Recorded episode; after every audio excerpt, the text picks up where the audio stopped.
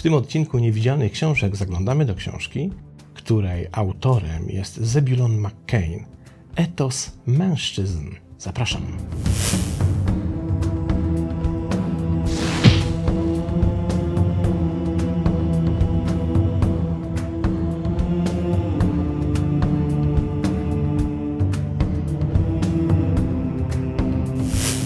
Przyznam szczerze, że trochę się zastanawiałem, czy sięgnąć właśnie po tę lekturę.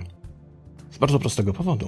Ta książka jest oczywiście bestsellerem w Stanach Zjednoczonych. Ukazała się już jakiś czas temu. Wciąż nie ma tłumaczenia na język polski i pewnie się takiego tłumaczenia nie doczeka, bo mimo iż jest bestsellerem w Stanach, jest również książką bardzo prowokacyjną i kontrowersyjną. Mimo iż autor na samym początku zastrzega, że to książka, która dotyczy jego zdaniem problemów, z którymi borykają się amerykańscy mężczyźni, to myślę, że ona jest troszeczkę ponadgeograficzna i opowiada w ogóle o losie dzisiaj współczesnych mężczyzn i o tym, z czym się borykają. Myślę, że faceci również u nas. Ta książka pewnie się nie wszystkim spodoba, lub mówiąc inaczej, znajdzie się wiele osób, którym się nie spodoba, ale to pewnie nie odbiera jej uroku, a na pewno warto dowiedzieć się, czego dotyczy i dlaczego budzi tak żywe zainteresowanie za oceanem i pewnie również budziłaby żywe zainteresowanie u nas.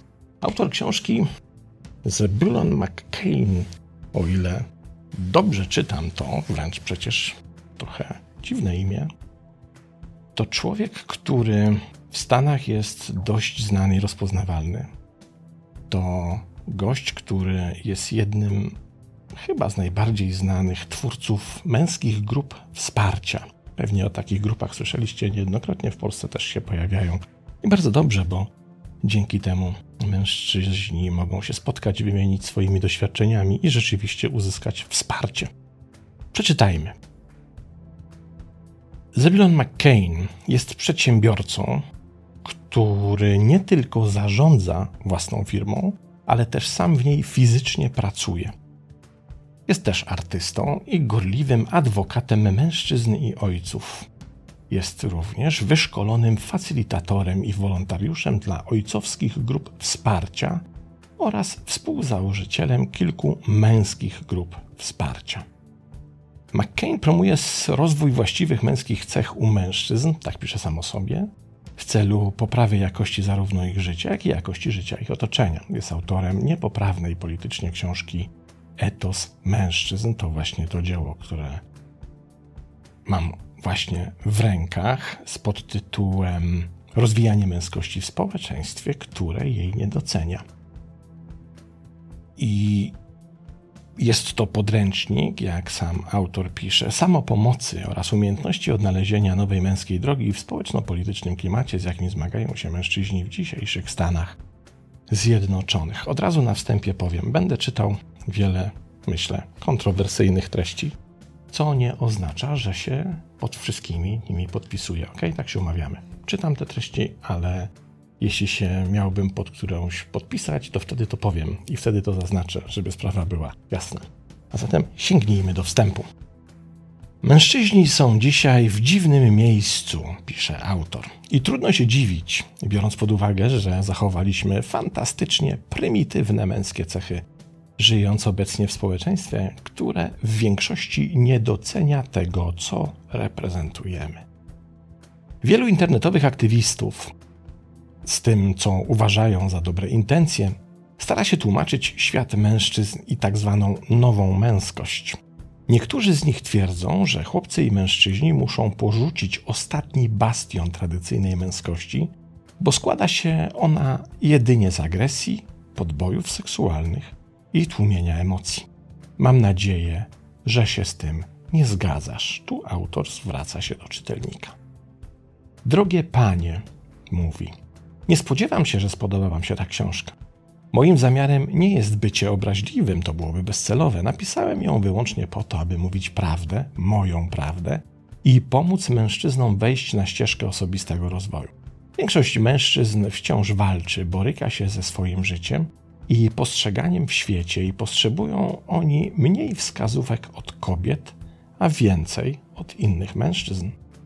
Mogą sprostać nowym perspektywom i rozwojowi męskiego samodoskonalenia, by stać się lepszymi mężczyznami, rzadkim dzisiaj gatunkiem mężczyzny, których kobiety miałyby szczęście mieć w swoim życiu.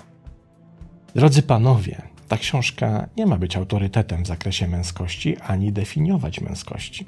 Wszyscy mamy mocne i słabe strony. Praca nad poprawą obszarów słabości ma dla mnie sens.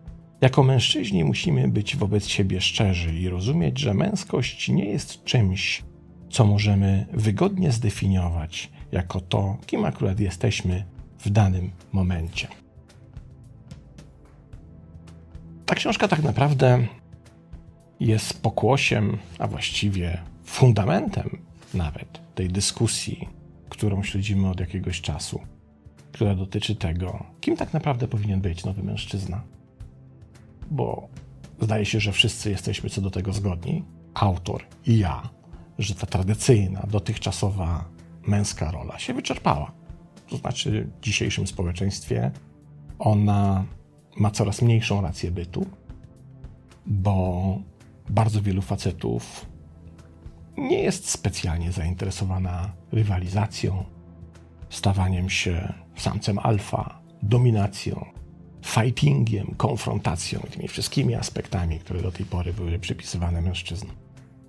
Problem jednak polega na tym, że bardzo wielu, i o tym pisze autor, aktywistów, którzy stoją po stronie internetowych grup, czy też dyskusyjnych forów, czy też jakichkolwiek innych stron zrzeszających mężczyzn, którzy nie zgadzają się na tę dotychczasową rolę i mają z tym, z tą rolą problem, popełnia pewien określony błąd. Błąd ten polega na tym, że uznają, że istnieją tylko ekstrema. I chyba to jest dobry przykład. Otóż uznają, że jeśli po jednej stronie ekstremum, czyli jeśli po jednej stronie osi jest samiec alfa, ten dominujący, rywalizujący gość, który podporządkowuje sobie wszystkich innych, łącznie z kobietami i innymi mężczyznami, to jedyną opozycją dla tego samca alfa jest tak zwany nice guy, czyli miły chłopak, który jest usłużny, który się na wszystko zgadza, który jest spolegliwy, który jest, robi wszystko to, czego się od niego oczekuje i który tak naprawdę żyje, by nikogo swoim życiem nie zdenerwować, nie rozdrażnić, nikomu nie wejść w drogę i jest taki wycofany ucieczkowiec, taki ktoś, kto się wycofał z tego pędu o rywalizację. I problem polega na tym, że ten nowy mężczyzna na którego mam nadzieję świat czeka, i mężczyzn, i kobiet. To nie jest ani mężczyzna z jednego ekstremu, ani mężczyzna z drugiego ekstremu. Istnieje jeszcze ten środek tej osi. I najważniejsze jest teraz to, by umieć sensownie odpowiedzieć na pytanie, jak zdefiniujemy ten środek? Co to tak naprawdę miałoby być? Jaki ten nowy mężczyzna powinien być, by nie być ani po jednym ekstremum, ani po drugim. Ani po jednej stronie tego wykresu, ani po drugiej. I o tym zdaje się być książka. Nie ze wszystkimi tezami autora się zgadzam, ale poczytajmy. Zaufanie jest najważniejsze, pisze autor. Zaufanie musi być rozwijane i musi być autentyczne. Jeśli mężczyzna ma kompleks ofiary, nie może być pewny siebie. Jeśli mężczyzna chce się jedynie przypodobać, jest posłuszny i unika konfliktów, umieszcza się nisko w hierarchii i nie ma niczego, czemu tak naprawdę można by było zaufać. Nie popełnij tego błędu, bo to cię również może spotkać. Jako mężczyźni chcemy sprzymierzyć się z innymi pewnymi siebie mężczyznami, a jeśli my jesteśmy naprawdę pewni siebie, oni będą chcieli sprzymierzać się z nami. Prawdopodobnie znasz termin alfa, w odniesieniu do bardziej nominującej istoty, która w tych okolicznościach ma wysoki status.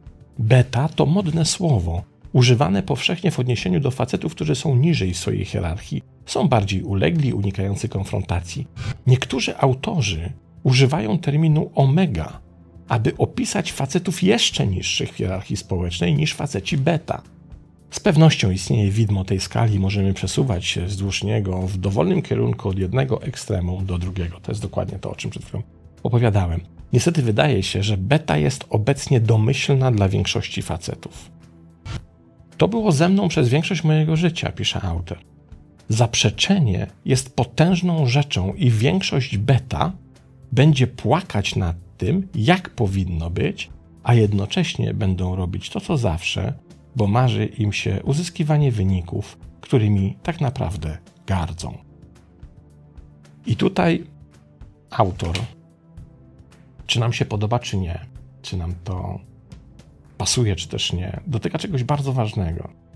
Otóż wskazuje, że ten rodzaj ucieczki od alfa i ustawienie się opozycji do dominującej, rywalizującej, tradycyjnej męskiej społeczności, na tej pozycji dobrodusznego, unikającego konfliktów, konfrontacji, miłego chłopaka, nie jest dobrym wyjściem, bo konstytuuje system. Im bardziej uciekasz od alfa i im bardziej w opozycji do alfa się stajesz, tym stwarzasz, według autora, i tutaj chyba się z nim jednak zgadzam, tym stwarzasz większe prawdopodobieństwo, że ci po tej stronie skali, ci ekstremiści, ci alfiści będą cię wykorzystywać.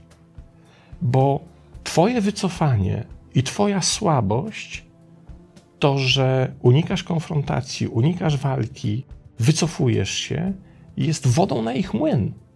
Oni właśnie stają się alfa dzięki takim gościom, którzy postanowili się wycofać. I autor zwraca uwagę na coś bardzo niepopularnego, coś, za co wielu facetów chętnie spuściłoby mu niezłe manto, mówiąc: Uważaj, co robisz w tym systemie, bo często chcąc zakwestionować system, on tutaj pisze wyraźnie, chcąc zakwestionować to, czym gardzisz, jednocześnie wzmacniasz to, czym gardzisz. Ciekawe podejście myślę, że warto się nad tym zastanowić. Posłuchajmy o opresji. Wielu chłopców i dziewcząt jest uczonych, że mężczyźni są z natury ciemiężcami. Kobieta dobra, mężczyzna zły. Jest w tym trochę prawdy, bo przecież historia pokazuje nam, że mężczyźni, oczywiście nie wszyscy, nawet nie większość, naprawdę mordowali, gwałcili, zniewalali i martretowali kobiety.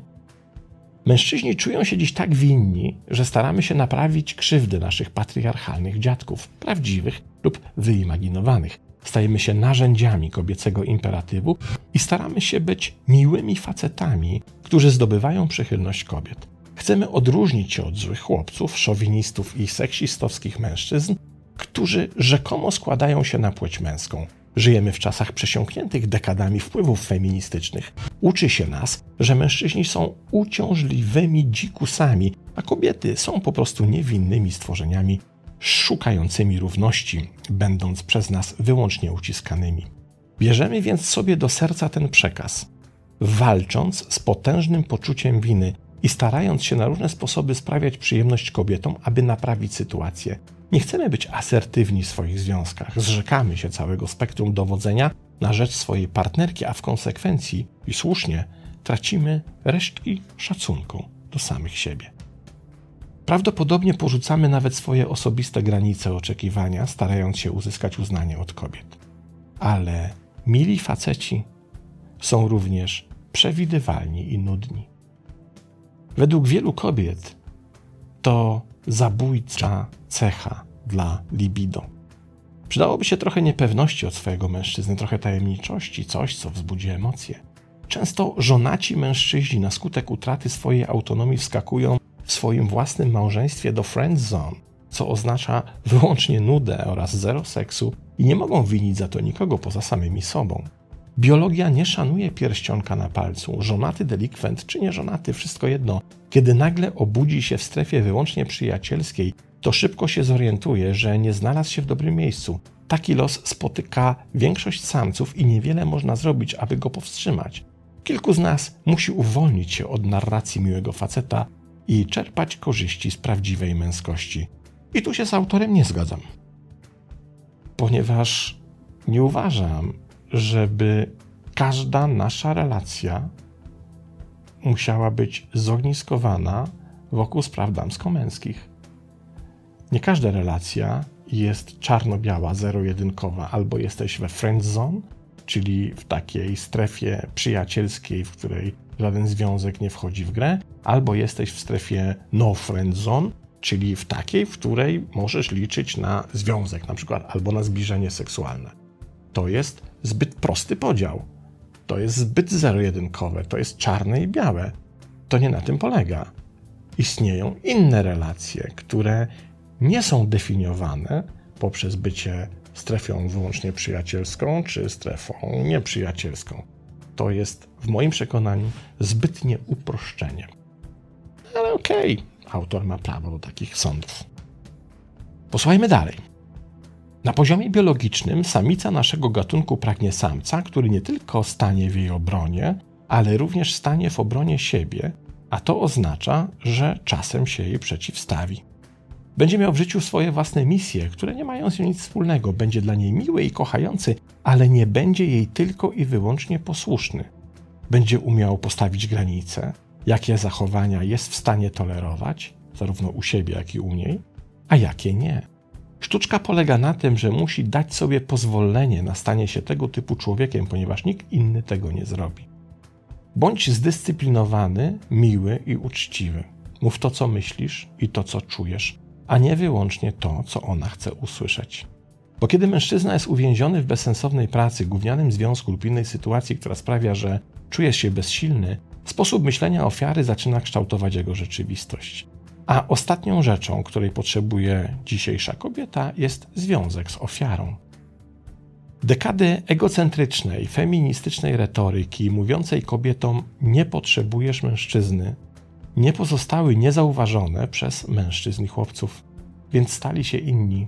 Wykonali piruet o 180 stopni, uznali się przegrani w tej wojnie społecznej, jaka toczyła się przeciwko nim. Zaczęli więc jęczeć w swoich związkach o swoich problemach i cierpieniu, komunikując w ten sposób jedynie status ofiary i bezpowrotnie tracąc swoją atrakcyjność w oczach wielu kobiet. Moim zdaniem, żaden mężczyzna nie powinien długo identyfikować się z ofiarą. Długoterminowy sposób myślenia ofiary może być bardzo destrukcyjny. Powiem tak. Autor w dalszej części pisze, że kiedy mężczyzna ma problemy, to powinien o tych problemach raczej rozmawiać z drugim mężczyzną niż z kobietą. I ja się z tym nie zgadzam. Bo to nie jest kwestia z kim rozmawiać, ale to jest kwestia jak rozmawiać. Jeśli ta rozmowa ma być prowadzona z punktu widzenia statusu ofiary i ma być takim jęczeniem o swojej wrażliwości, na skutek której mężczyzna nie radzi sobie ze światem, to oczywiście nie, bo to nie chodzi o bycie taką jęczołą, która wiecznie beczy i wiecznie się wtapia w spódnicę swojego ochroniarza w roli żony, partnerki czy kogokolwiek innego ale to nie oznacza, że mężczyzna nie może mówić o swoich problemach ze swoją partnerką życiową. To nie oznacza, że mężczyzna nie powinien być wrażliwy na to, by umieć o tym opowiedzieć. To nie oznacza, że mężczyzna powinien unikać w ogóle mówienia o jakichkolwiek swoich problemach, a ja przynajmniej tak to postrzegam, bo to, powtórzmy, nie kwestia tego, co się mówi, ale w jaki sposób się to czyni. I tutaj drugi punkt, w którym z autorem się nie do końca zgadzam. Posłuchajmy dalej. Pornografia internetowa. Ciekawe, co pisze autor. Częsta masturbacja podczas korzystania z tego superstymulującego medium współczesnej pornografii przytępia receptory dopaminy w mózgu Prawdopodobnie nadal będziemy eskalować poszukiwaniem nowości, szukając nowych i prawdopodobnie bardziej bazarowych filmów. Ponieważ ośrodki nagrody w mózgu są chronicznie nadmiernie stymulowane, stajemy się mniej funkcjonalni. Jeśli jednak mężczyźni zrezygnują z pornografii, mogą dać kobietom szansę zaskoczyć się tym, jak bardzo mogą być seksualni. Nasze autentyczne, pewne pragnienie kontaktu seksualnego z prawdziwymi kobietami musi zostać przywrócone. Rezygnacja z pornografii internetowej to świetny krok. Nie brakuje treści internetowych prezentujących zalety ruchu NoFap i istnieją dowody na pozytywne rezultaty takiej decyzji. Obniża się wówczas poziom społecznego niepokoju, wykształca się bardziej asertywna postawa, pojawiają się większe sukcesy seksualne w rzeczywistym świecie, a życiu zaczyna towarzyszyć więcej energii. Za tymi wynikami kryje się możliwy podwyższony poziom testosteronu i stabilizacja dopaminy. Pornografia jest potężnym uzależnieniem i będzie wymagała dyscypliny, szczególnie w pierwszych tygodniach. Nie proponuję, tu pisze autor, zaprzestania wszelkiej masturbacji, po prostu odcinam i eliminuję samą pornografię internetową. Kilka rzeczy, których osobiście doświadczyłem po rozpoczęciu tej podróży, to podniesienie pewności siebie, bardziej stoicki i stabilny nastrój. Zainteresowałem się też sprawami natury nieseksualnej. Moje umiejętności biznesowe zostały wzmocnione i o dziwo mój zmysł węchu i smaku stał się zauważalnie ostrzejszy. Moja partnerka, podobnie jak inne kobiety, zaczęła wyglądać dla mnie bardziej atrakcyjnie. Zauważyłem kobiety sprawdzające mnie lub bardziej angażujące mnie w rozmowę, prawdopodobnie z powodu mojej mowy ciała, feromonów lub sygnałów pewności siebie. Byłem przekonany, że czuję moc, za co był odpowiedzialny najprawdopodobniej podwyższony poziom testosteronu. Mój umysł się uspokoił, a poczucie męskości zaczęło się wzmacniać. Moje interesy, które wcześniej nie były świetne, zaczęły się zmieniać na moją korzyść. Być może mniej troszczyłem się o zadowolenie ludzi, a bardziej o zaspokojenie moich osobistych potrzeb. Życie wprawdzie stało się moją drugą naturą. W sypialni i poza nią seks z moją partnerką stał się bardziej ryzykowny i lepszy niż kiedykolwiek w naszym związku. Jestem przekonany, że nic z tego by się nie zamanifestowało, gdyby pornografia pozostała uzależnieniem. Ciekawe, prawda? Bycie w prawdzie. Życie prawdą nie oznacza mówienia innym krzywdzących rzeczy i jest czymś znacznie więcej niż niemówieniem kłamstw. To nie oznacza wyjawiania naszych sekretów. To oznacza wyłącznie bycie prawdziwym. Oznacza to odpuszczenie fałszu, który chroni ego. Możliwe, że ten nowy mężczyzna będzie bardziej beta, o niższym statusie i bardziej uległy niż mężczyźni w przeszłości. Ale na pewno będzie to mężczyzna, który uzyskał nowe zrozumienie, dlaczego mamy pewne wbudowane impulsy, zachowania i wzorce myślowe, a w rezultacie możemy poprawić nasze sytuacje. Kiedy zrozumiemy, dlaczego kobiety mają bardzo różne plany płciowe, zachowania i style myślenia, my mężczyźni możemy poprawić swoją sytuację.